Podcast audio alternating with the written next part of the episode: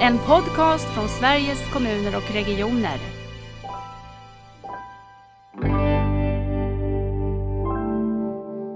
Detta avsnitt är inspelat live under Vitalis 2023. Jag blir alltid påmind om första, första grundbulten och det är individens rätt att kontrollera sina data. Och där har ju cheferna ett ansvar att ta in verktyg som funkar. Det får inte vara precis som du nyss sa, till sju stycken inloggningar. Hur hänger egentligen AI, digitalisering och nära vård ihop? Det vet dagens gäst, Nassim Faroknia, som är läkare, hälso och sjukvårdschef på Microsoft Västeuropa, 12 länder och ordförande för e-hälsoläkarnas intresseförening, förening inom Läkarförbundet. Välkommen!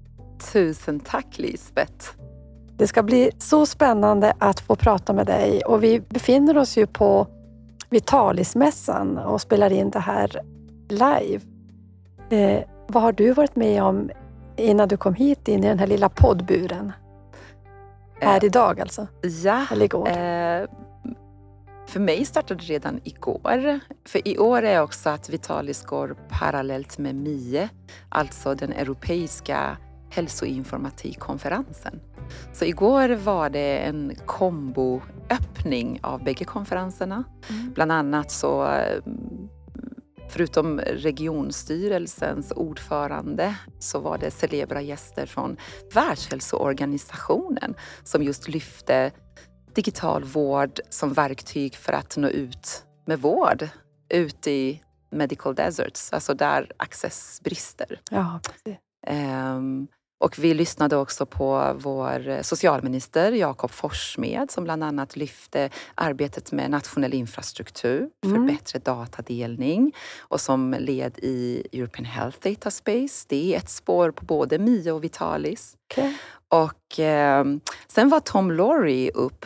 Tom eh, är författare till boken Hacking Healthcare. Eh, inspirerande var det många som tyckte efteråt, inklusive jag.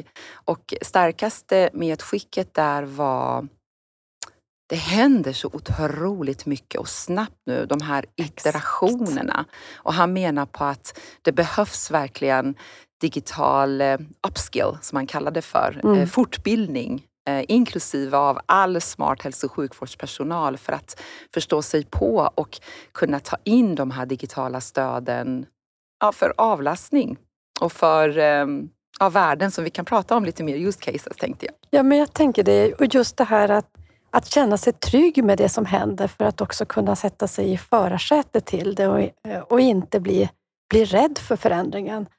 Det kan vi väl prata om. Men först, berätta vem du är Nassim.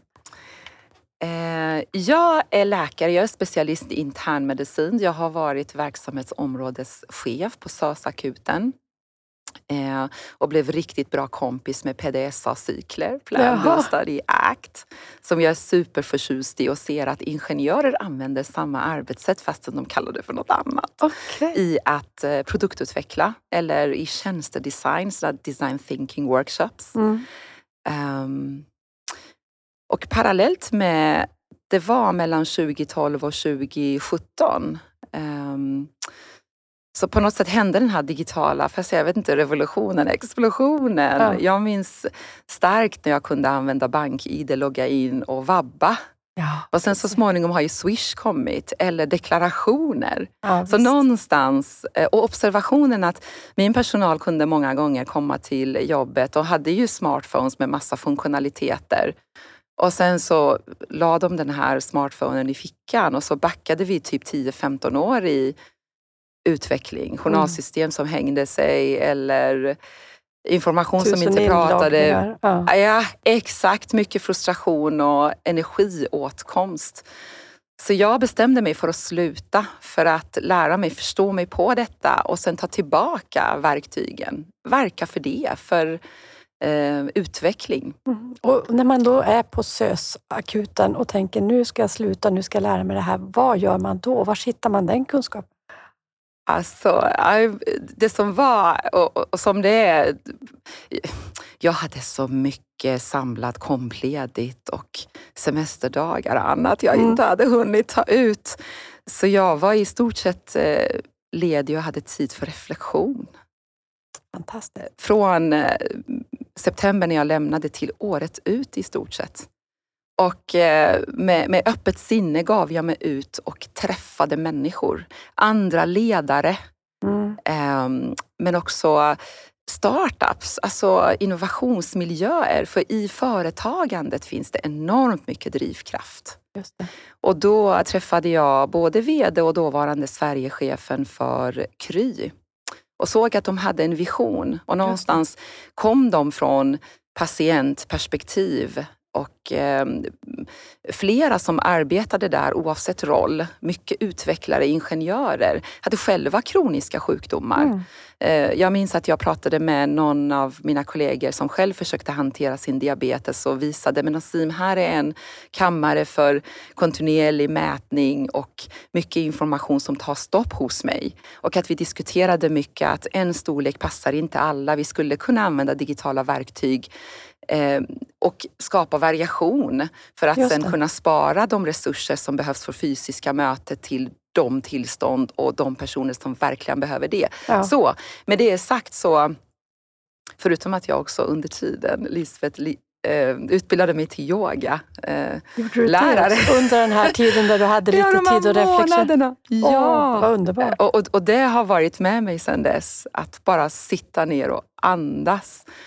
Um, och eh, ja, så tre år på Kry som kvalitets och forskningschef.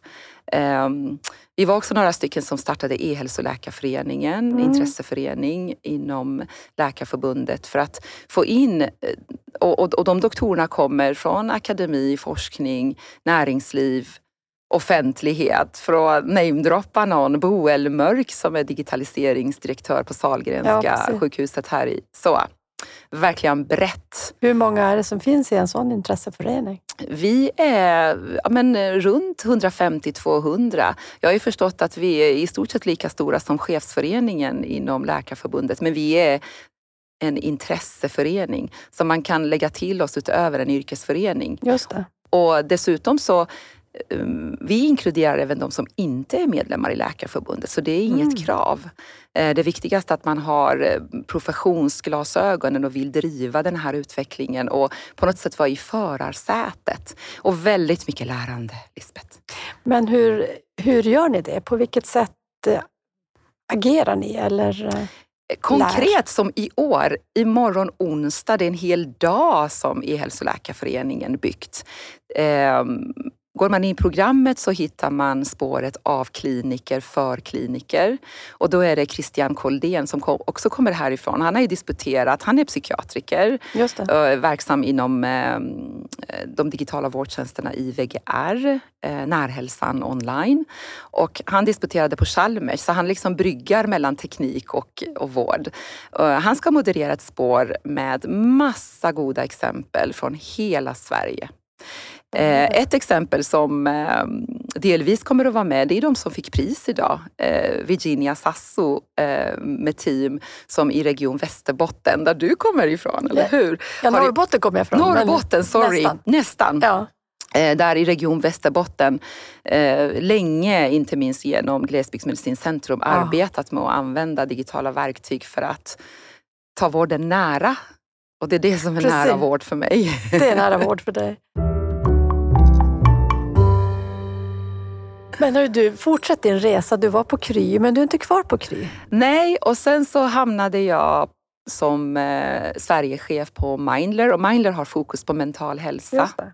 Otroligt lärorikt. Du vet i vården, eh, jag är så kallad somatiker, jag är internist så det var superbra att få liksom fördjupa sig i det och vi vet att eh, psykisk ohälsa dessvärre ökar. Så på något sätt går det, för jag tänker att med digitala verktyg går att på något sätt ligga steget före, mm. hitta i tid, mm. börja stötta och väldigt mycket, jag är också mycket för empowerment. Att kunna stötta individer där de när frågor dyker upp och hjälpa dem för att eh, minska risken för försämringar. Och därav att till exempel egenmonitoreringen kommit som jag vet SKR jobbar jättemycket Ja, med. Så, eh, och sen så småningom eh, eh, Microsoft hörde av sig och de ville ha med mig för att de menar på att vi är teknikföretag, Ja. vi förstår data, vi kan algoritmer, vi gör diverse verktyg men vi behöver bättre fatta vården och framförallt vårdens behov. Och då är det både från läkare, sjuksköterskor, fysioterapeuter, alltså all personal eh, som skulle behöva ha bättre användarvänlighet. Men också att ta tillvara på de här förmågorna som allt mer växer hos ja, men sådana som du och jag och alla vi är potentiella patienter någon Ja. gång. Alltså individerna där ute. Och därav att jag hjälper till och bygger broar som jag har kommit fram till mellan användare och teknikens värld. Är det i hela Västeuropa eller vad är ditt arbetsfält? Ja, mitt arbetsfält är de här 12 länderna i Västeuropa. Vi är fem stycken i teamet. Jag är så kallad healthcare executive för att det det är jag som är läkare och har sjukvårdskunskaperna. Sen har jag en kollega som hållit på med precisionsmedicin i herrans massa år. Mm. En kollega som eh, i stort sett är specialist på förändringsledarskap och implementationer. Kul Sen har jag två stycken utvecklarkollegor. Vi har superroligt. Ja. Så vi fem hjälper till och sitter, eh, har örat på marken, sätter fram strategier. Vad är viktigt? Hur kan vi sen i så fall översätta teknikerna till färdiga produkter? Eh, och så har vi delat upp eh, lite de här länderna oss emellan. Eh, och lite grann också Lisbeth, för att det är också kultur och språk. Mm. Så jag träffar väldigt mycket nordbor och har blivit duktigare på både danska och norska. Vad härligt. Eh, Och nästa vecka ska jag åka till Island Ja. inbjuden av Nordiska ministerrådet och Nordic Innovation. Och då är det en eh, verkligen nordisk delegation för de är ordförandeland i alltså Island. Just Det det. Nordiska ministerrådet parallellt med att vi i Sverige är ordförande i EU. Ja. Jag var under många år ordförande för sjuksköterskor i Norden. Ja. Så dels lärde jag mig språket, men så får man ju också just det här med den digitala utvecklingen, att bli lite sporrade av varann. Hur, hur ser det ut idag om du jämför Sverige Ja. med övriga Norden?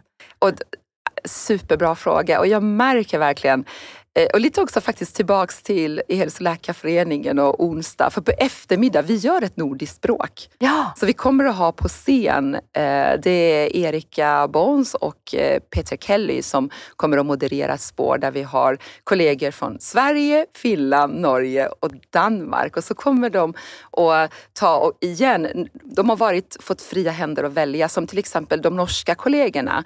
Det är en barnhjärtläkare och en radiolog som har använt så kallad HoloLens, alltså sådana här 3D-glasögon just det. ehm, för att göra såna här hologram preoperativt där kirurgerna kan planera operationen i förväg. De gör, sen, de gör operationen en gång innan eller? Ja, planerar den. Ja, Ja. ungefär. Precis Ja. så, som en flygsimulator. Och så går man in i eh, operationsrummet. Och just kollegan som kommer att stå på scen, radiologen, disputerade tidigare i år eh, på alla hjärtans dag, visade på hur den här innovationen bidrog till att komplikationen minskade efter operation. Så det här är liksom en konkret. Eh, så med det sagt så försöker vi eh, tvärs över de här nordiska länderna dela goda Mm. erfarenheter, inte minst Finland med universitetssjukhuset i Helsingfors som började sin digitala resa redan 2009 och byggde en digital mental health hub, alltså fokus på psykisk ohälsa. Och sen har de lagt på, idag har de dryga 300 så kallade digifysiska vårdflöden. De är som nationella eller? eh, Eller från sjukhuset? Nej. Ja, mycket bra. Det som är, det är Helsingfors. Ja. Och jag har lärt mig Helsingfors, alltså universitetssjukhuset, det är samma data som de dessutom forskar på. Och sen från och med första januari så är det också en ehm, vad ska jag säga, organisatorisk förändring i Finland. Så att fem stycken kranskommuner också kopplade samma data. Så att man tar sig an om större alltså del av... Områden och data. Ja, och så har de byggt välfärdscentra. Ja. Så de jobbar tvärs över specialistvård, primärvård och, Och social. socialtjänst. Exakt. Jag tycker det är så underbart ord, välfärdscentra. Visst är det Visst underbart? är det Ja. begreppet välfärd. Och då eh, har de också skapat ett, ett, ett bolag alltså som HUS äger. HUS är alltså Helsingfors universitetssjukhus som heter Health Village. Och det var mer för att faktiskt stötta implementation, Lisbeth. Och då är det Health Village som sen hjälper andra sjukhus och andra delar av Finland, men också internationellt.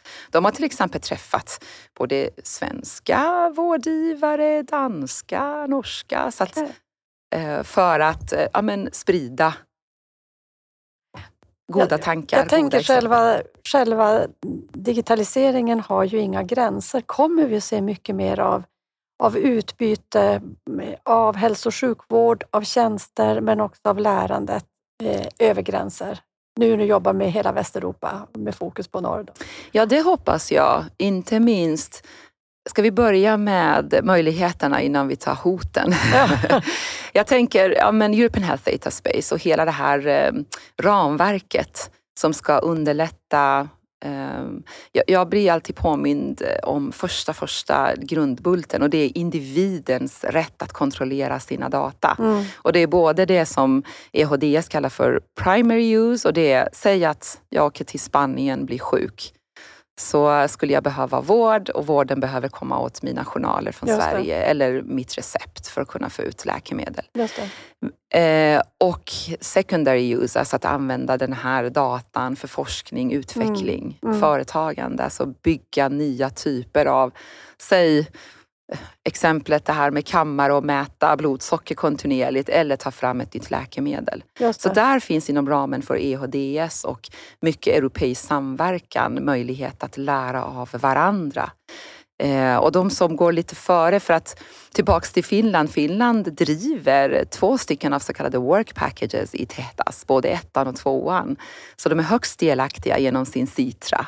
Man kan också söka sig efter att man har lyssnat på detta, är lite nyfiken på Findata och Kanta. Så det finns mycket. Ehm, Men också andra länder som Belgien, Nederländerna som håller på och bygger nationella plattformar för att möjliggöra utbyte av information, data. Eh, vilket både Jakob Forssmed igår och vår sjukvårdsminister Acko Ankarberg var inne på idag. Just, att möjligheten att eh, kunna komma åt data och eh, dela den med varandra, både i vårdens vardag men också i forskning och utveckling. Så där ser jag verkligen möjlighet till eh, lärande. Vad såg du för någonting som var hotfullt? Då? Hotet. Ja, och då tänker jag Först tänker jag, i morse innan jag kom ner satt jag på nyheterna och lyssnade på vår försvarsminister och då var Mm. NATO. Just det. Eh, Det är oroligheter i, i världen. Vi vet att cyberattacker ökar. Eh, Och där behövs det verkligen robusthet i tänk. Hur man hanterar sina data. För det ena är att möjliggöra att det delas Precis. och det andra att skydda. Och då är det både integritetsskyddet men också skyddet för de som vill ont. Stora attacker. Ja, Ja. precis. Vem bär det ansvaret, tänker du, när vi får också en, en helt annan spridning där varje land eh, på något sätt eh, inte kan kontrollera själv? Tänker jag i alla fall i mitt huvud. Eh, Jag skulle vilja gå- tillbaks till utbildningsspåret igen och Ja. eftersom det händer så otroligt mycket nu och det går fort, då gäller det att alla chefer som har beslutsmandat och ansvar verkligen utbildar sig och se till att vi tar in rätt verktyg. För det är olika typer av olika nivåer eh, för att säkerställa både access men också eh, skyddet och säkerheten. Finns de utbildningarna att tillhandahålla? Eller till, hur får man tillgång till dem om man finns i Sverige och är chef i hälso och sjukvård? Ja, och, och då tänker jag, och där var det ett bra grepp av Vitalis och Mio att bjuda in en sån som eh, Tom eh, Laurie. Mm. Eh, Det gäller att läsa. Jag menar, vi är ju vana vid att läsa eh, vetenskapliga artiklar som berör vårt kliniska arbete, eller hur? Och nu har det kommit ytterligare en dimension. Eh, förutom eh, Hacking Healthcare så kom precis ut en bok av Peter Lee som har skrivit om eh, så kallad generative AI, alltså det som alla, ett exempel av det är ju GPT och ChatGPT. Ja. Min egen son kom hem häromdagen och ville använda det för en skrivuppsats. Så jag vet att både skolan är engagerade, Läkartidningen skrev en artikel, jag vet flera kollegor som har gått in och testat. Och eh, det som är så kallat large language models, Mm. som alltså skiljer sig det här breda, stora AI, otroligt potenta motorer om man jämför med det här narrow AI som vi har tidigare använt. Okej. Och för att bara dra distinktioner för narrow AI, då är det alltså som mönsterigenkänning, maskininlärning, som vi ändå umgåtts med några år.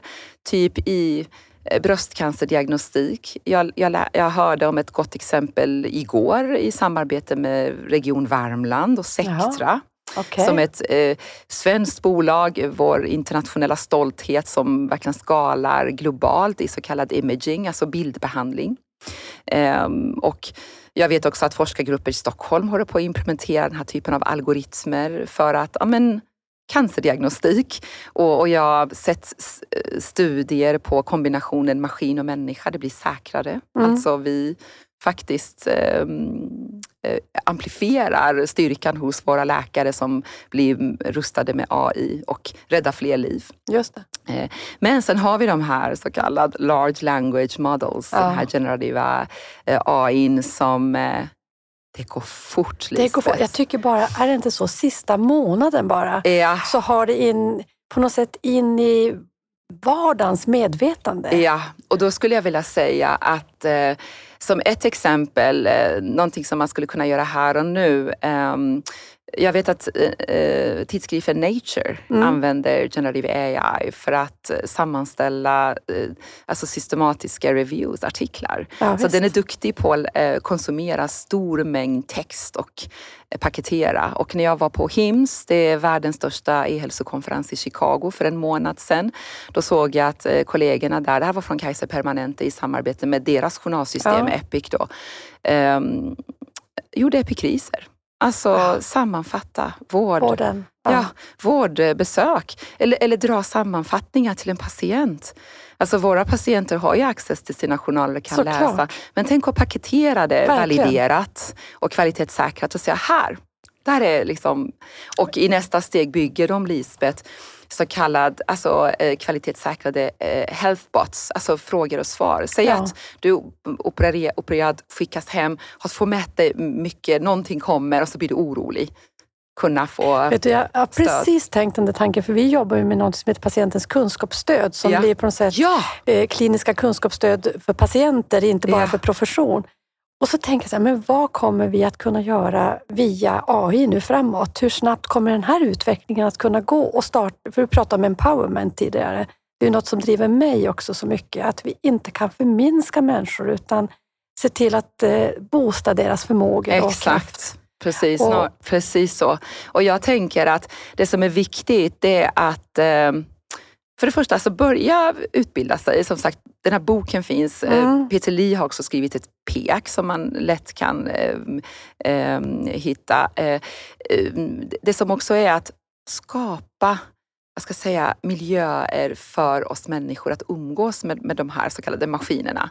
Alltså se till att, ja men lite som HUS-exemplet, när de tar in tekniken och säger att okej, vi ska bygga digitala vårdvägar, varsågoda. Ja, Och att inkludera professionen. Och också tidigare idag hörde jag ett exempel av en mamma till en eh, flicka med typ 1-diabetes där hon menar på att men Nassim, vi måste också ha fler på vårdsidan som faktiskt tar emot informationen. Och lite tillbaks till att fortsätta utveckla de här spåren med egen monitorering. Mm. Och att inte ge upp för att det inte är perfekt från start. För det är lärande och det är de här Precis. iterationerna. Men att vi måste bygga broar och fortsätta. Och eh, min starkaste i så fall skäl till det också skulle vara att Alltså Socialstyrelsens eh, rapporter har jag sett, vad är det, 15 av 21 regioner saknar legitimerad hälso och sjukvårdspersonal. och någonstans så behöver vi göra mer prioriteringar där empower the patients, alltså stötta människor. Jag hörde ett annat exempel från en verksamhetschef igår Ja. som sa att men Nassim, vi reagerade över att några av våra återbesök för våra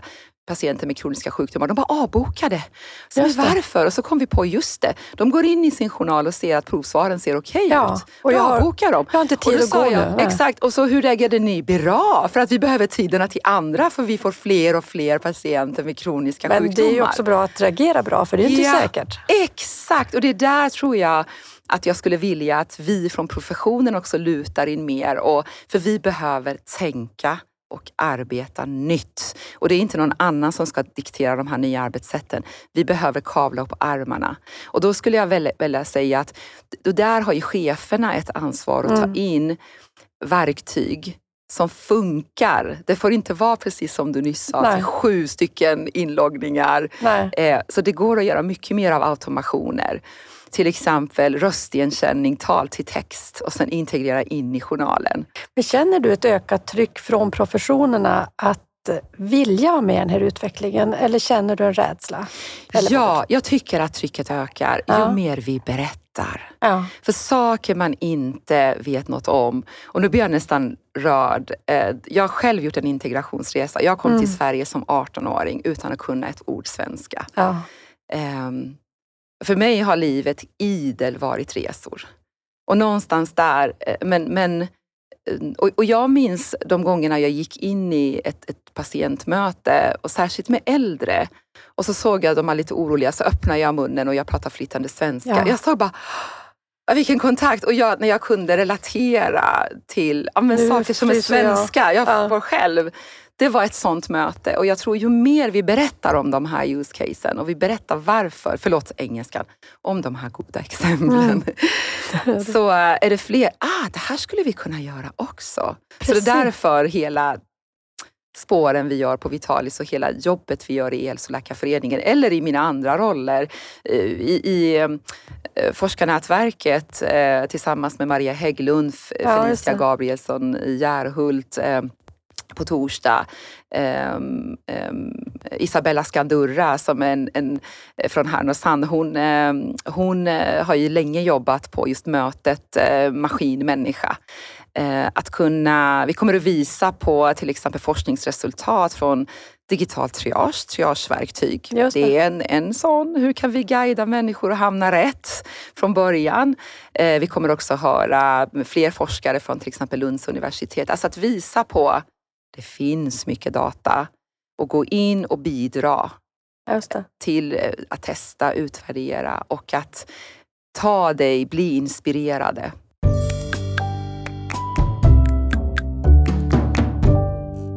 Jag tänker på kopplingen till eh, den omställning vi håller på att göra mot en mer nära vård. Eh, där nära inte alls bara geografiskt nära. Det har ju också riksdagen beslutat när man beslutat att föra in begreppet nära i hälso och sjukvårdslagen, utan det kan också vara digitalt nära. Men då tänker jag, hur ser du att det vi nu är med AI, digitaliseringen, kan stärka det personcentrerade, det proaktiva och också det sammanhållna? Så, och då tänker jag också den kommunala hälso och sjukvården. För hur tränar vi eh, också de som finns där att Ja, helt rätt. finnas med i, den här resan? Precis. Och där är, jag, jag har ju sett det så här, för om man vill också läsa på lite mer och vara omvärldsbarn, gå in på, både WHO har väldigt bra digital sajt ehm, och även OECD. Och de säger att okej, hälso och sjukvårdssektorn ligger efter de andra Mm. och där är faktiskt omsorgssektorn. Men jag tycker även där börjar det komma. Eh, inte minst ehm, smarta hem. Alltså man kan ju Ja. bygga och inkludera sensorer för att med bevarad integritet ha faktiskt Precis. koll och rycka in när det behövs. Eh, Patrik Sundström berä- berättade tidigare idag om de här lä- läkemedelsautomaterna. Robotar, ja, precis. Ja, men alltså, ja. Så det går ju ehm, ta in mer och mer. Ehm, och ehm, jag skulle också vilja se mera av olika typer av, eh, alltså jobba hands, alltså hands, hands-free. Ja. alltså igen använda röst till att bli text i dokumentationerna. Och annars så är omsorgen i syvende och sist det som människor Alltså vi är bäst på, det är det här medmänskliga mötet och den här närheten. Mm. Så om vi kan skala av allt annat som vi, våra undersköterskor, sjuksköterskor, vårdbiträden, omsorgspersonal inte behöver göra så kan de fokusera på Mm. Just medmänskliga Precis. mötet. För omsorgen, det, det, det kan ingen människa, eller ingen maskin eller robot ersätta. Nej. Nej, jag tänker just de personer som finns i den kommunala primärvården som har så komplexa behov, de behöver ju verkligen den närheten. De är ju Ja. beroende. Ofta har man sin bostad i ett särskilt boende eller annat. Stämmer. Samtidigt tänker jag så här att vi kanske, om jag nu tänker den traditionella regional, regiondrivna hälso och sjukvården, lite för kära i att tro att det bara är mötet, om jag får säga så. För tänk Okej. om det är självständigheten, så att jag får mötet med mina nära och kära. Det är kanske inte mötet med vården som är det viktiga. Ge vården, kan vården ge mig självständighet? Sen finns det ju Absolut. saker där vi måste ha mötet också. Ja, men du har helt rätt. Och där tror jag att jag hade just i, när jag drog det, jag tänkte väldigt mycket på min egen pappa. Han, han gick bort eh, för ett och ett halvt år sedan i ett neurodegenerativ sjukdom och eh, de sista ett och ett halvt åren bodde han på ett särskilt boende och han, hade, han hade ju behov, verkligen, Ja. allt med all ADL. Ja, visst. Eh, och det enda digitala verktyg vi använde, det var förstås, det var mitt under pandemin också. Det var alltså att prata med en sån här padda. Mm, Vi ringde och kunde se honom och han kunde höra oss. Det Ja. var ju det.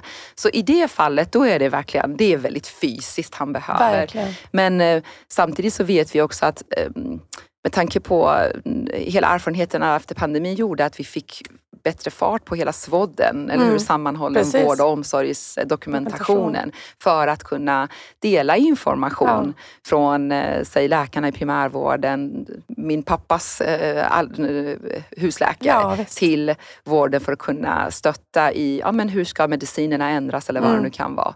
Eh, annars i vård eh, i hemmet, där kan vi verkligen göra mycket, mycket mer med stöd och tillbaks till ja, men, eh, bevara integriteten. Det, Alltså ja. vi kan stötta människorna med verktyg eh, mycket, mycket mer. Mm. Eh, och inte bara genom att personal är närvarande i hemmen. Eh, Nej. Det håller jag absolut med om.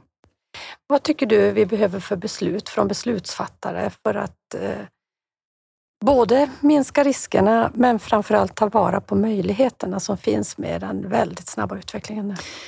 Om jag då tänker hälso och sjukvårdssfären. Jag skulle tydligare vilja höra att jag tänker att vi är beyond om.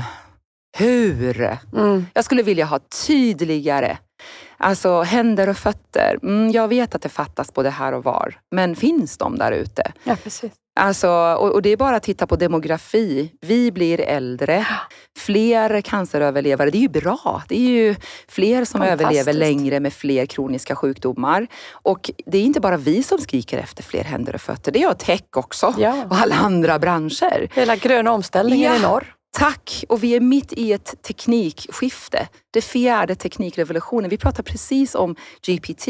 Alltså ingenjörer börjar använda de här large language models för att spara i kodning. Alltså Ja. spara timmar för en kodare. Vi behöver också in och hitta nya arbetssätt, nya processer. Just det. Så, det skulle jag vilja tydligare se. Och det vill du också att man tydligare pekar ut som riktningen? Ja, tillbaks till... Det kanske är kulturskillnad, att man bestämmer sig på, på hus. Nu ska vi digitalisera. Okej, varsågoda, kör. Här är verktygen. Det är interoperabelt. Det är bra användarvänlighet. Så det är bra, om man ger bra tekniska möjligheter så blir uppdragen, uppdraget bygg så att det passar och er. Och, eh, och i det faktiskt också ha en ödmjukhet, större ödmjukhet från vården. För jag tror också att det är nytt för oss att möta patienterna där de är. Det är inte så att vi läkare alltid vet bäst. Nej. Så är det inte. Fråga Just patienterna. Det är därför jag tycker hela PROM och PREM, Patient Reported Outcome Measure, Experience Measure, viktig. Fråga folk. Mm. Och att eh, skapa variation i, okej, någon behöver di- digitalt möte, någon fysiskt, någon kanske behöver bara en chatt och bekräftelse eller någon Precis. någonstans där du skapar en så automatiserad bot. Det här är normala provsvar per automatik så blir det okej. Så Och fråga vad den, just den personen behöver. Tack, fråga Ja, hur precis. folk vill ha det.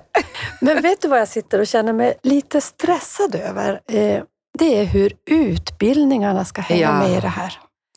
Eh, för jag tänker, vi fortsätter ju ändå producera, om vi får kalla det producera, men att utbilda massor med hälso och sjukvårdspersonal. Eh, men jag ser inte så mycket av den kraft som det här borde ha in i utbildningarna. Vad tänker du? Du har helt rätt.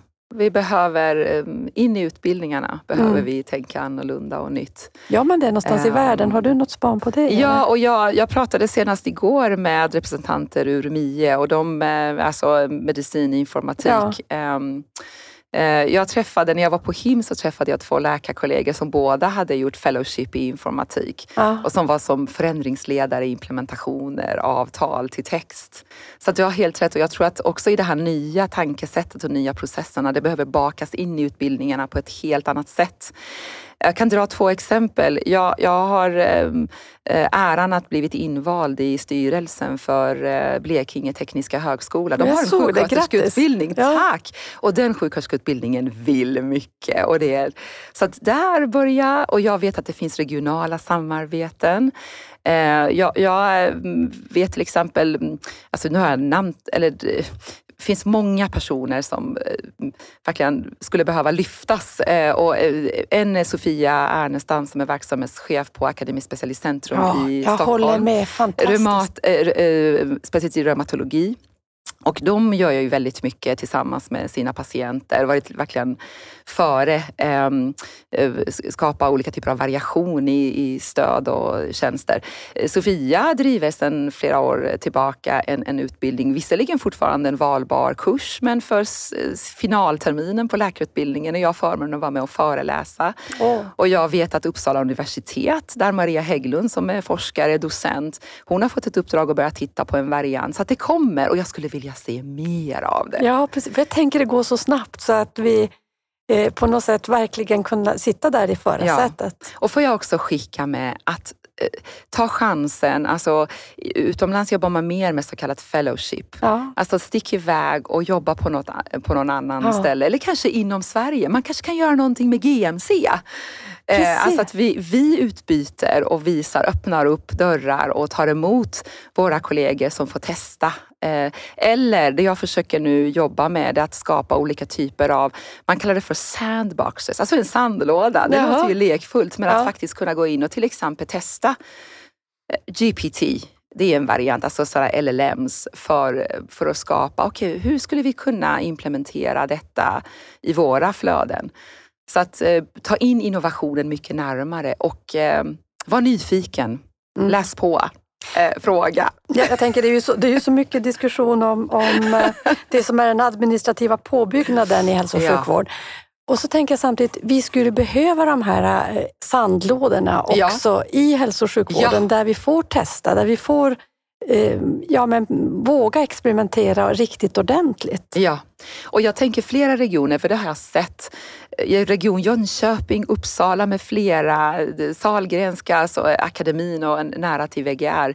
Alltså, för där är också lite, om man tänker på Vinnova, pratar ju Mm. ofta om den här trippelhelixen, Ja, precis. akademi, klinik och näringsliv. För vi behöver varandra. Ja. Och vi behöver röra oss mellan de här kontexterna. Så att jag tror här är jätteviktigt att flera aktörer lutar in och bidrar med respektive kompetens för att skapa den här typen av innovationsmiljöer i, i anslutning till våra ja, men, akademier, kliniker och bjuda in näringslivet som faktiskt bygger både mjukvara och hårdvara. Och där borde ju ändå ett begränsat land som vi är, ett litet land som vi är, ändå också vara fördelar. För vi kan på något sätt hitta varandra i relationer och vi kan i den här sammanslutningen av olika delar. Helt rätt, det finns mycket styrkor eh, i Sverige och inte minst, nu är jag gift med, med en ingenjör, Ja. gift mig in i en ABB-familj från Västerås. Jaha. Och jag har ju lärt mig att, alltså vi har ju vår Ericsson och sen så småningom har det kommit i hela den här eh, digitala, alltså vi har flera, vi har ju vår Spotify, vi har Mojang med flera. Så att vi har så otroligt mycket eh, ingenjörskap, lång eh, tradition att vara stolta över och Verkligen. ta in det. Och jag, jag gillar det du säger, just att eh, det är avlångt men ändå eh, Ä- litet ändå och så nära. Nej, Nej, inte så precis. stort. Men eh, om du fick eh, lite titta framåt på den nära vården, det som är den personcentrerade vården som vi känner en relation till och känner oss trygga med. Vad, vad ser du då och så kopplar du det till det du kan och vet. jag älskar nära vård-initiativet och så tänker jag att det har ju varit eh, väldigt mycket, alltså att formulera, bygga tankar, idea, alltså idéerna, det. Och sen nu är det mer igen hur. Ja. Det är som att vi står på, ett fotbolls, på en fotbollsplan Ja. och håller på och nu ska den här bollen in i mål. Så jag, jag, jag vill ha den här finala konkretiseringen av nära vården. Ja. Och just att skapa möjligheter människor, och då pratar jag patienter och vård möts. För mig är nära vård där jag är. Då tänker jag på min eh, smarta klocka som eh, tar in eh, data och apropå vem som driver förändringen. Alltså, det drivs ju väldigt mycket från användarhåll men också från, och de är entreprenörer, förutom att de är användare och själva Mm. eh, har behov och de hittar lösningar för de behoven. Så den tekniska utvecklingen går framåt och då behöver vi se till så att förutsättningarna finns för att ta emot det. För det är då, och jag vet, jag har ju hört det här co-creation, samskapande från Ja. nära vård som jag gillar väldigt mycket, få till det på riktigt. Så det behövs den här finala konkretiseringen av den här nära vården för att på riktigt koppla patienter och vård. Vård. Ehm, Och jag tänker när du säger samskapande, att verkligen vara så modiga så att när, när vi samskapar sig, vi behöver ta vara på ni behöver ta vara på den data jag har eller det jag tycker är viktigt, att verkligen också vilja göra någonting av det. Så samskapandet handlar om handlingen. Exakt så, exakt så. Exakt. Ehm, eh, Min son, eh, för några år sedan, han har haft en eh, allergisk astma och den var under en period väldigt, väldigt tufft. Jag har ju lärt mig, inte minst som läkare, men hört från mina barnläkarkollegor, just för prepubertala barn och ungdomar, det blir väldigt svårt, alltså att copingen av en kronisk sjukdom, för han Mm. ville inte sticka ut. Så han, han ville inte att all, andra skulle veta, så det var väldigt mycket sis och där med att ta medicinen. Men sen så fick vi frågan att vara med i en, eh, en pilot och testa eh, en sån här asthma tuner, en sån här det. eh, som pratar med en app i telefonen. Och det där var startpunkten för honom. Just den här asthma tuner är också beforskad av både astmaläkare och astmasjuksköterska. Så, ehm, och för honom var det, det klickade till. Han, det, det var ju mycket gamification för han Ja, tyckte precis. att han blåste och de där kurvorna var fula. Han ville göra snyggare kurva, kurvor. Och sen så fattade han att oj, om jag tar min medicin, då blir Så kurvorna snyggare. Ja. Och så plötsligt en dag så säger han bara, "Ja, men mamma vet du, jag har blivit kompis med min astma. Och det här är hans e- Ja, exakta ord. Eh, och där finns också automation. Ja, men du vet Lisbeth, de här datan går in i Ja. journalen. Astmaläkaren från Saxka kunde se, allmänläkaren som var husläkare kunde se. Man kunde justera dosen och så småningom så blev min egen son duktig på själv att justera. Och justera, så det var ett sätt för honom att fatta. Mm. Eh, och, och där hade inte de funnits och tagit emot. Och jag skulle vilja se skalningar.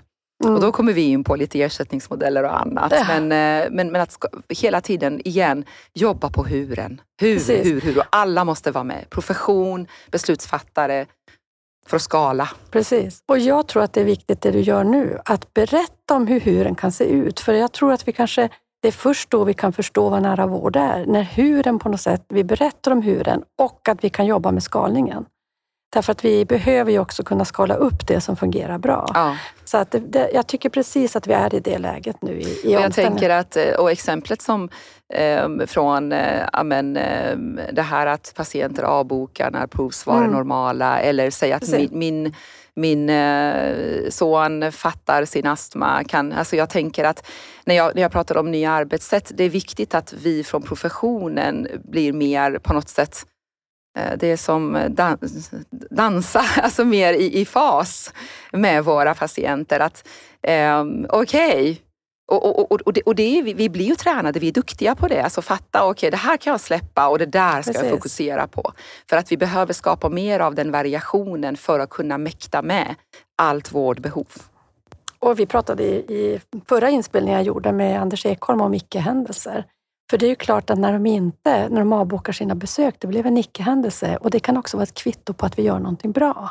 Så vi inte alltid Exakt. tänker tvärtom, att det är hur mycket vi producerar som är det som är bra. Exakt, och jättebra för att och då som beslutsfattare eller sådana som, ja men vad, vad mäter vi? Ja, För om man ska betala per pinne, Precis. då förlorar ju den här jo, då blir ju kliniken. icke-händelser värdelösa. förklara, just det, och, och, och, del, och delvis var vi inne på det både efter Jakob Forssmeds eh, men också Tom Lauries Eh, eh, keynotes på, på scen igår. Just att hur kan vi skapa ersättningsmodeller för mer förebyggande? Ja, Alltså att hålla människor friska, Ja. för det är ett uppdrag i den och, nära vården. och hålla tänker jag. människor i hälsa även om de Tack. får ha sin sjukdom. Ja.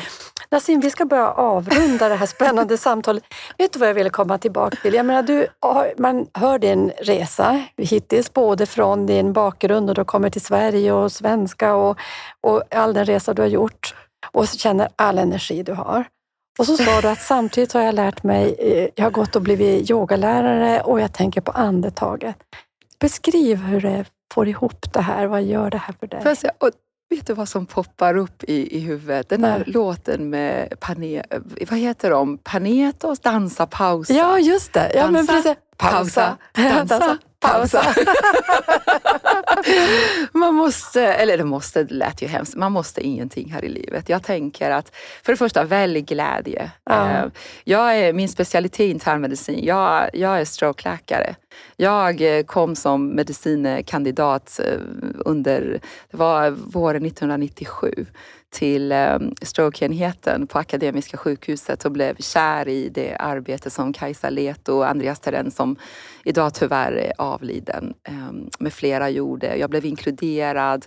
Det var en multikulti avdelning. Vi hade eh, middagar där vi alla tog med sig någonting från sitt hemland och det var fantastiskt. Och det var Mm. hela teamsettingen. Ja. Jag minns att vi, prat, vi arbetade hur, hur vi kan förstärka teamet runt patienter med arbetsterapeuter, fysioterapeuter, hur vi gjorde tog fram eh, Kristina Lindahl som var överläkare, min förebild. Ja, men här- här Nassim, eh, struktur för att summera en, en, en sån här eh, information som du kan ge till patienten när du skriver ut. Och idag kan jag göra det här digitalt. Alltså det här har jag med mig Mm. Lisbeth. Och någonstans den glädjen och att bygga vidare på det. Det var ju så jag gjorde min doktorsavhandling för jag ville förstå mig på okay, hur hänger sockerdiabetes ihop med hjärt-kärlsjukdomar och sen så småningom vad kan jag göra för att människor slipper komma tillbaka efter en första hjärtinfarkt? Ja. Så hur får vi in verktygen i preventivt tänk?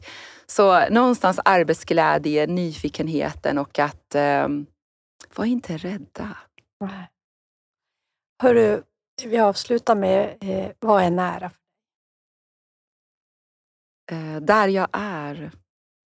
Eh, jag, jag, jag gillar min smarta klocka. Den liksom kickar mig lite. Jag, jag når mina träningsmål. Mm. Den också skickar till mig, nu är det dags för eh, lite eftertanke. Jag kan bara sätta mig på golvet, älskar att sitta i skräddaren Ja. eh, och, och bara tänka. Ehm, eller skogspromenaderna med min dotter. Eller bara ha sett både min dotters resa och pappas resa och hela Alltså alla vi runt vår pappa och hantera. Det var ju tuffast förstås för honom och mamma själv med, med demens och hanteringen. Det har jag med mig och har det närvarande i att göra tekniken. För teknik kan låta kallt men, men det ska ska- skapa värde Mm. um, in i livet för patienterna men också vård, vardagen för våra fantastiska vårdpersonal där ute. Stort tack för att du delar med dig av all Tack. din kunskap och energi och lycka till framåt Nassim. Tack för att du var med.